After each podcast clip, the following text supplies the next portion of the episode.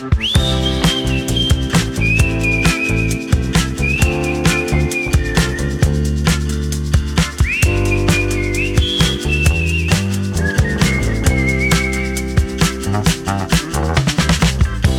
dia, Sílvia. Bon dia, Andreu. Escolta, han passat moltes coses últimament que hem de Ah, comentar. sí? A veure, què ha passat? Per exemple, doncs, ahir, dia 28 de maig, van ser les eleccions municipals. Suposo que vas anar a votar. Sí. Bé, avui no parlarem de política, però ha sigut doncs, una cosa important. Jo penso que anar a votar és, és molt important, encara que Mm. cap de les opcions polítiques que hi ha t'entusiasmi especialment, però com a mínim dir-hi la teva, no? O Mhm. intentar que altres opcions no tinguin tant de suport. Jo crec que és important anar a votar perquè si no vas a votar l'únic que estàs fent és recolzar el que diuen els altres. Exacte. No, i que a més, si no vas a votar, després no et pots queixar. Bueno, queixar, et pots queixar sempre. No, però, a veure, no, no- és lícit, o sigui... Si tu no decideixes, després t'has d'adaptar, t'has de conformar amb el que amb el resultat i amb les Sí, coses que clar. passin, no? Sí, sí, sí. I aquí queixar-se és un esport nacional i jo no vull renunciar. D'acord. Bé, ja més endavant parlarem de, de política en, en un episodi. Una altra cosa, fa poc, eh, bé, aquest cap de setmana passat, vaig anar a Lleida Ah, i un amic meu d'allà escolta el podcast ah molt bé. Sí, i això que ell no és aprenent de català, ell és nadiu. Però, Escolta, doncs benvinguts siguin tots els nadius. sí, una salutació des d'aquí, Ferran. doncs ell escolta el nostre podcast i ell és turistòleg o turismòleg, em sembla que es pot dir de les dues maneres. Mm -hmm. Va estudiar turisme a Lleida, no? I coneix Mhm. bé la ciutat i li agrada fer-ne promoció. Doncs aquest cap de setmana em va fer una guia turística, una visita per Lleida per veure diferents murals que hi ha per tota la ciutat. I és que en l'episodi de l'art vam parlar dels murals aquests i jo et vaig dir que, que a Lleida n'hi ha un d'unes cigonyes, Sí. no? que és Sí, molt gran sí. i això. Doncs el que jo no sabia és que n'hi havia molts més per la ciutat i de preciosos, o sigui, són, són brutals. Jo sí que ho sabia perquè crec que fa pocs mesos, a més a més, van fer un festival de- d'art, no sé si es diu de grafitis o de murals de paret o no sí, sé. d'art urbà. Art sí. urbà, això, art Mhm. urbà, i en van fer uns quants de nous.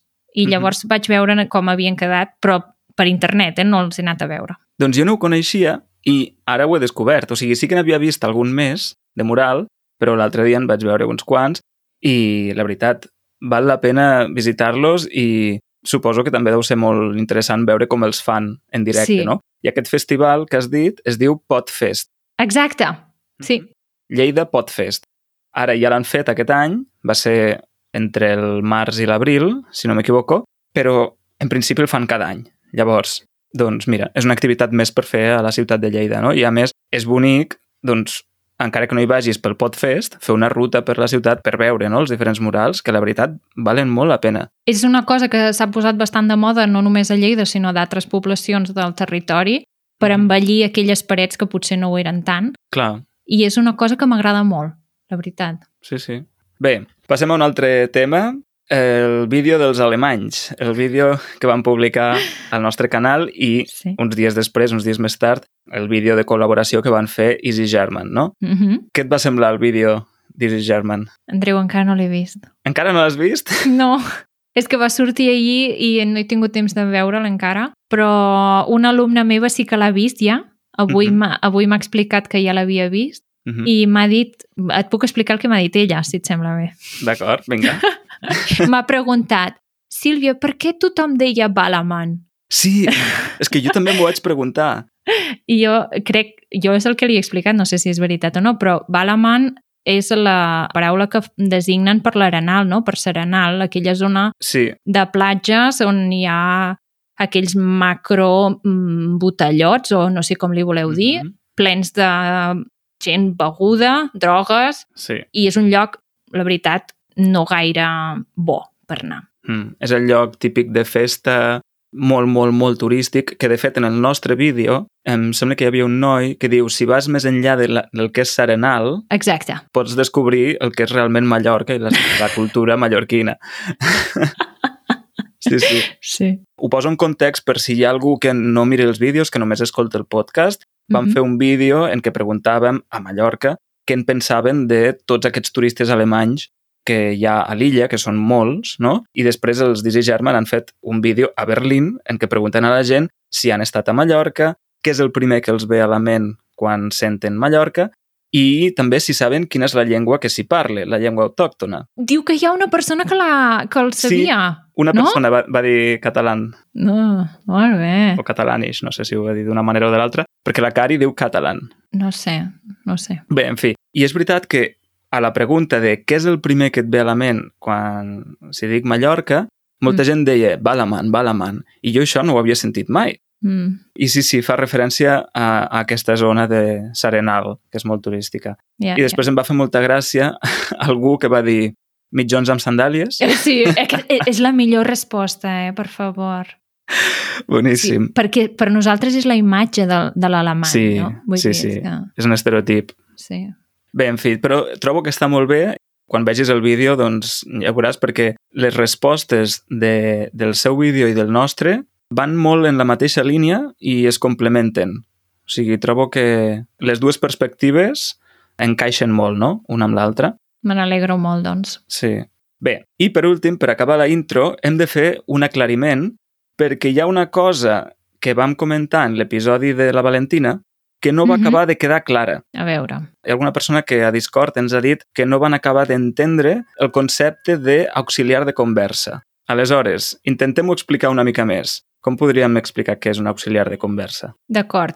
En diferents escoles i instituts d'arreu del país tenen auxiliars de conversa i això significa que una persona normalment molt jove estudiant d'un altre país ve en aquella escola o institut a fer d'auxiliar de conversa, o sigui, a parlar amb els alumnes d'aquell centre. Uh -huh. Per exemple, si estan fent la classe d'anglès, potser hi ha una estona en què hi va aquesta persona i parla amb diferents grups d'alumnes per millorar el seu anglès parlat. O si en aquella escola estudien francès, doncs ve algú de França o Mhm. d'Alemanya, si és el cas. Exacte, o sigui, no són professors de llengua pròpiament, sinó persones que faciliten la conversa, no? Com tutors de conversa. Sí, exacte. Jo, de fet, tinc una amiga de l'institut i de la universitat que quan va acabar el grau se'n va anar a fer d'auxiliar de conversa a Alemanya i va estar-hi un any i després ja s'hi va quedar. O sigui, ja es va Veus. quedar a viure Mhm. a Alemanya i ara fa, doncs ben bé, farà 10 anys que hi viu. Imagina't. Sí, sí. I llavors són tot de convenis entre els diferents països Mm -hmm. que en aquests auxiliars de conversa se'ls hi paga un sou que és molt baix, o sigui, no és, no és gaire alt, però és, són uns diners que els permeten viure al país. Mm -hmm. Exacte. I com tu vas dir en l'episodi, dins de l'equip d'Easy Catalan hi ha algunes persones que han fet d'auxiliars, com la Sophie, que ho, ho va fer a Girona, o la Paula, que ho va fer a Seret, a la Catalunya Nord. Mm -hmm. Molt bé. Doncs espero que ara hagi quedat més clar. Si algú encara no li ha quedat clar, que es faci membre de la comunitat i ens escrigui al xat o a través de les xarxes i, i ho intentarem reformular. Molt bé. Taller de llengua. En l'episodi anterior vam parlar dels exàmens, no? I vam comentar que el Matthew s'ha estat preparant per fer un examen de certificat, concretament el de nivell C1. Doncs avui en el taller de llengua volia tractar un tema de sintaxi que em va preguntar el Matthew i que també ha preguntat algú, em sembla que a Discord últimament. Molt bé. Penso que és un tema important perquè no només és un, una font de dubtes per als aprenents de llengua, sinó també per als parlants nadius mateixos. Segur, segur. Aleshores, et mostro la pregunta i després doncs, intentem explicar la resposta conjuntament. Som-hi? Vinga. Hola, Andreu, què tal? Tinc una consulta de la llengua catalana per quan tinguis un moment, perquè estic fent com unes proves uh, amb una app, no sé si et sona, es diu Qüestió Cat. I bé, en general, Mm. mm. força bé, però una pregunta que tenia és que jo havia entès que en català no existia la personal com existeix, per exemple, en castellà. Si, si en castellà diries he enseñado a Matthew a hacer X cosa, um, que en català doncs, no existia això. No obstant, acabo de- d'equivocar-me de, amb una pregunta i la frase és he ensenyat blanc nins a fregir un ou. I les opcions són els nins o els Mhm. nins. Vull dir, amb o sense la A. Um, llavors jo, òbviament, he posat he ensenyat als nens a fregir un ou i m'ha dit que la resposta correcta és he ensenyat als nens, amb, amb la. I el mateix va passar amb una altra pregunta, que també em vaig equivocar, que la frase era, bueno, no, no, no me'n recordo exactament, però era alguna cosa tipus s'ha recordat als regidors que aquesta reunió és important. I jo vaig posar s'ha recordat als regidors, vull dir, sense la. No sé si m'estic explicant, um, però jo pensava que, que la en la personal en català no existia sota cap concepte, però ara estic veient amb aquests verbs ensenyar um, i recordar que suposadament sí existeix la personal. I no sé si és que hi ha una cosa que jo no estic entenent o pillant, o si és, són verbs que són excepcions a aquesta, a aquesta regla. Uh, no sé si en saps alguna cosa. Bé, has entès la pregunta més o menys, no? Sí, perfectament, perfectament. Jo puc explicar una petita estratègia que faig servir? Endavant. Que ja sé que per als aprenents potser no servirà, eh? Però jo quan no sé si he de posar a, el o el directament, o sigui, sense la a, ho canvio a femení. Uh -huh. O sigui, dic, dic, li ensenyo a la Maria la ciutat. Uh -huh. Eh que diríem, ensenyo a la Maria, no diria ensenyo la Maria a la ciutat. Clar. Seria ensenyo a la Maria. Uh Uh -huh. Doncs si a la Maria li ensenyo, al Miquel també. Uh -huh. Ja, sí. Trobo que està bé el truc de fer-ho així. El que passa és que en la consulta del Matthew hi ha una confusió, d'acord? Què és? A veure. Ell diu, jo pensava que davant del complement de persona no hi ha la preposició a sota cap concepte, no? Clar, Uh -huh. no és ben bé la regla així, sinó és davant de complement directe de persona, que no hi va la preposició a. Però en aquestes frases que ha posat ell d'exemple, justament no es tracta d'un complement directe, sinó d'un d'indirecte, perquè ensenyar una cosa a algú, no? ensenyar una cosa Mhm. a algú, aquest a algú és l'indirecte, Això passaria el mateix amb el verb enviar. amb el verb enviar o amb el verb recordar una cosa a algú. O sigui, els dos exemples que ha posat no eren, diguéssim, bons exemples perquè es tractava de complement indirecte. I l'indirecte sí que porta la preposició a. Espera't, que est estem perdent oients, eh? D'acord. Aleshores, aquí és on jo volia fer servir, diguem, la teva vessant de professora d'alemany, perquè aquí crec que és important tenir clar aquests dos conceptes, no? el de complement directe i el de complement indirecte. Tu, com a professora d'alemany, segur que ho has d'explicar sovint què és el dativ i què és l'acusativ, no? que, és, que és una cosa i què és l'altra. Però eh, tu creus que no acabarem de perdre els que... Vull dir... No, jo penso que és important perquè, perquè encara hem de veure després alguns casos de complement directe en preposició a i penso que és primer de tot important, si, diguéssim, de manera breu, definir la diferència no? entre una, un complement i l'altre. A veure, això que acabes de demanar és impossible. Eh? Breu?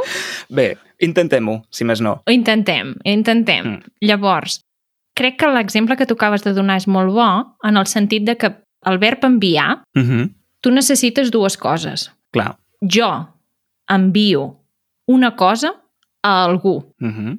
Aquesta cosa que jo envio, que pot ser un missatge de WhatsApp, un email, una carta, una postal, Uh -huh. tot això serà l'objecte, o sigui, el complement directe. Què és el que estic enviant? Doncs estic enviant un correu, una carta, Uh -huh. mentre que la persona a la qual li envio aquest objecte és el complement indirecte. Uh -huh. Li envio a la Maria, a l'Andreu, a ell. Exacte. Sí. O sigui, l'objecte, el complement sobre el qual recau directament l'acció, no? enviar, enviar és enviar alguna cosa, no? Sempre cal un objecte, un, un complement. Doncs allò és el complement directe. I l'indirecte és, doncs, en aquest cas, la persona. Normalment és, és un complement de persona, d'acord? Però un complement directe també pot ser de persona. Clar, és que és això. Clar, i d'aquí ve la confusió. Aleshores, per exemple, el verb veure. Mm -hmm. Veure sempre és, eh, requereix un complement directe i mai un indirecte. Pots veure un objecte, però pots veure una persona. Això és- és un exemple molt bàsic de quan estem fent les videotrucades, no? No et veig, no et veig. Aquest Sí. et veig és, és el complement directe, tot i que és una persona. Exacte. Aleshores, feta aquesta diferència, diguéssim que, partint d'aquí, la regla és que el complement indirecte sí que té la preposició a i el complement directe de persona, normalment no. D'acord? Molt bé.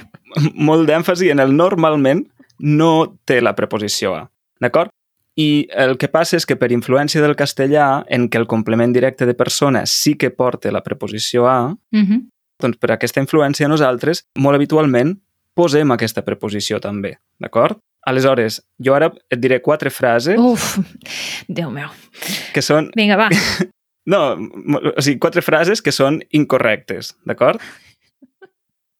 Avui m'he trobat a la professora de ioga al supermercat, d'acord? D'acord? Aquí, en lloc de dir a la professora, hauríem de dir la professora. És que fixa't què ha fet el meu cap. Avui m'he trobat la Maria al supermercat. Exacte. Trobar algú és complement directe. És de persona, però és directe. Doncs trobar-se algú. M'he trobat la professora, la Maria. D'acord. Un altre. Sempre que veig als polítics per la tele, m'emprenyo de seguida. Sempre que veig als polítics. D'acord. Sempre que veig la Maria, m'empipo. Sempre que veig a la Maria, m'empipo. Sempre que la veig. Sempre que la veig. Sense. Mhm. Exacte. Mira, aquesta és una altra estratègia. No? Substituir la Maria per un pronom i si és la és complement directe i si és li és indirecte. No diries mai sempre li veig. Sempre li veig la piga. Sempre li veig la piga. Aquí el complement directe és la piga. Bé, en fi, però no volem perdre més oients. Que vols dir que en queda algú? Que queda algú? Hola? D'acord? Però, en tot cas, estem veient verbs que regeixen complement directe, no? Trobar, veure... Un altre verb és convidar. Ai, Si jo et dic, he convidat a la meva cosina al sopar d'aquesta nit, aquesta frase és incorrecta perquè convidar és amb complement directe. Per exacte. tant, he convidat la meva cosina al sopar d'aquesta nit. Mm. D'acord? Jo crec que la gent que ve de llengües amb casos potser ho tenen més senzill, tot això, no? Hmm. Vull dir, uh, rus, polonès, alemany... Sí, pot ser. Aleshores, fet aquest aclariment, no? la regla general és que el complement directe no porta preposició, però sí que hi ha alguns casos excepcionals en què o bé sí que hi ha d'anar o bé és recomanable. Vinga, per què no? Va, compliquem una mica més. Next level. D'acord? Però els veurem així de manera molt ràpida. El primer cas en què sí que porta la preposició és davant dels pronoms personals forts, és a dir, mi, tu, ell, ella. Per exemple, m'ha vist a mi i també a tu. No diríem m'ha vist mi i també tu, saps? Ja. Aquí sí que posem la A D'acord. i és un complement directe. D'acord. Vinga, va. Un altre cas, en casos de reciprocitat. Per exemple, es miraven l'un a l'altre, Ho podeu substituir per mútuament, ja no cal. mútuament. Sí. o no paraven d'interrompre's els uns als altres, no? Mirar va amb complement directe, interrompre també, però en aquest cas, doncs, és recomanable posar-hi la preposició. Uh -huh. També per desfer ambigüitats. Per exemple, el Barça serà campió si guanya al Madrid. Ah, sí? Clar, perquè si poséssim si guanya el Madrid, Ah, llavors guanyaria el Madrid. és ambigu, la frase és ambigua. Ah, Es podria interpretar de de les dues maneres, saps? ja, ja ho entenc. O sigui, el Barça serà campió si guanya al Madrid. Aquí posem la preposició, tot i que guanyar també va amb complement directe, posem la preposició per desfer l'ambigüitat, Buah. d'acord? D'acord, va. I dos últims casos i ja acabem. Davant de qui, quin i quants. Per exemple, a qui estima la mare? A mi. Clar, aquí posem la A per no confondre no, el subjecte amb el complement directe, perquè si et dic qui estima la mare, Jo. exacte, aquí és, és ambigu, no? Per tant, Mhm. a qui estima la mare, l'acció la fa la mare. Molt bé. Uh -huh. Uf. I, I per últim, es pot posar la preposició, és opcional, davant de paraules com tothom, cadascú, qualsevol o ningú, no? Per exemple, ja han saludat a tothom Mm. o ja han saludat tothom. A mi em sona Uf, més natural amb, Amb la amb la A, sí, preposició. sí. sí. O no he vist a ningú. Però també no he vist ningú. No he vist ningú conegut. No he vist ningú. Mhm, Exacte. Per això, aquí, en aquest cas, és opcional. Davant de tothom, tots, cada un, cadascú, qualsevol o ningú és Mhm. opcional. I ja està. Ja hem acabat. Gràcies als dos que encara seguiu aquí. Maria i Albert, us estimem. Sou uns cracs. No, però és només per tenir clar doncs, aquestes nocions, no? Primer, diferència entre complement directe i indirecte, la regla bàsica, que és que el complement directe normalment no porta preposició, però després hi ha aquests casos concrets en què n'ha de portar o en pot portar. Ja està. Respirem. Ai, per favor. Va, i ara passem a l'expressió de la setmana. L'expressió de la setmana. Doncs, Sílvia, com que últimament havíem relegat aquesta secció a les entrevistes i feia temps que tu i jo no recomanàvem o parlàvem de cap expressió que ens agrade, Tens tota la raó. avui en porto una que va sortir fa poc eh, en una xerrada del Discord. Em Mhm. sembla que va ser la Malena que la va dir Uh -huh. i la resta dels, dels assistents no la coneixien. A veure. I la vaig intentar explicar, no? És fàcil d'explicar, Uh -huh. però no és tan fàcil de saber d'on ve. Ui, ui, ui. L'expressió és de gom a gom. Ah, Està mira! de gom a gom. De gom a gom. Que està ple. Exacte, vol dir ple, completament ple. Però concretament aplicat a espais ocupats per persones. Sí, exacte. No pots dir que un, un got està de gom a gom. No, això Mm. no. O sigui, una plaça pot estar plena de gom a gom, Exacte. un teatre, Una sala. un cine... La qüestió és que vaig buscar el diccionari perquè em van preguntar i què vol dir gom? I jo, doncs no ho sé, Potser de goma. ni idea, ni idea. Però vaig buscar gom i si tu busques així tal qual, no hi és al diccionari la paraula gom. L'únic Mhm. que hi és és de gom a gom. D'acord? I buscant així l'etimologia, mmm, tampoc n'he tret l'entrellat. Mira, treure'n l'entrellat, una altra expressió. no, no he trobat la resposta, no? Uh -huh. Sembla ser que és de- d'origen incert. Però en qualsevol cas, doncs mira, és una expressió que m'agrada, que vull reivindicar i, i divulgar. Per tant, de gom a gom, si aneu per un carrer, per exemple, per les Rambles, no? Diu, oh, avui he anat a les Rambles, però uf, estava de gom a gom. Estava el carrer ple de gom a gom. A vessar. A vessar, sí. Molt bé. Una expressió ben bonica, veus? De gom a gom. Oi que sí? Mm. Mm. Doncs res, penso que ja hem arribat al final de l'episodi, així que ens acomiadem. Molt bé, doncs Andreu, escolta, després d'aquesta lliçó de gramàtica, espero que, que tots haguem après alguna cosa avui. Espero que no s'hagi fet molt pesat, No, però en qualsevol cas, per a aquells que doncs s'han preparat, s'estan preparant o els agrada la gramàtica simplement, doncs espero que els hagi sigut útil i recordo que dintre de l'espai de Discord, si us feu membres de la comunitat, tenim un canal específic per resoldre dubtes, siguin de gramàtica o de vocabulari o de pronúncia o del que sigui. Per tant, allà podeu posar-hi tants dubtes com vulgueu. Dit això, ara sí, acabem. Moltes gràcies als que de debò heu arribat fins aquí. Una forta abraçada. Eh, I moltes gràcies al Departament d'Empresa i Treball, també pel suport que ens dona de la Generalitat de Catalunya. Així que que vagi molt bé, Andreu. que vagi molt bé. Vinga, adeu. Adéu. Adeu, adeu.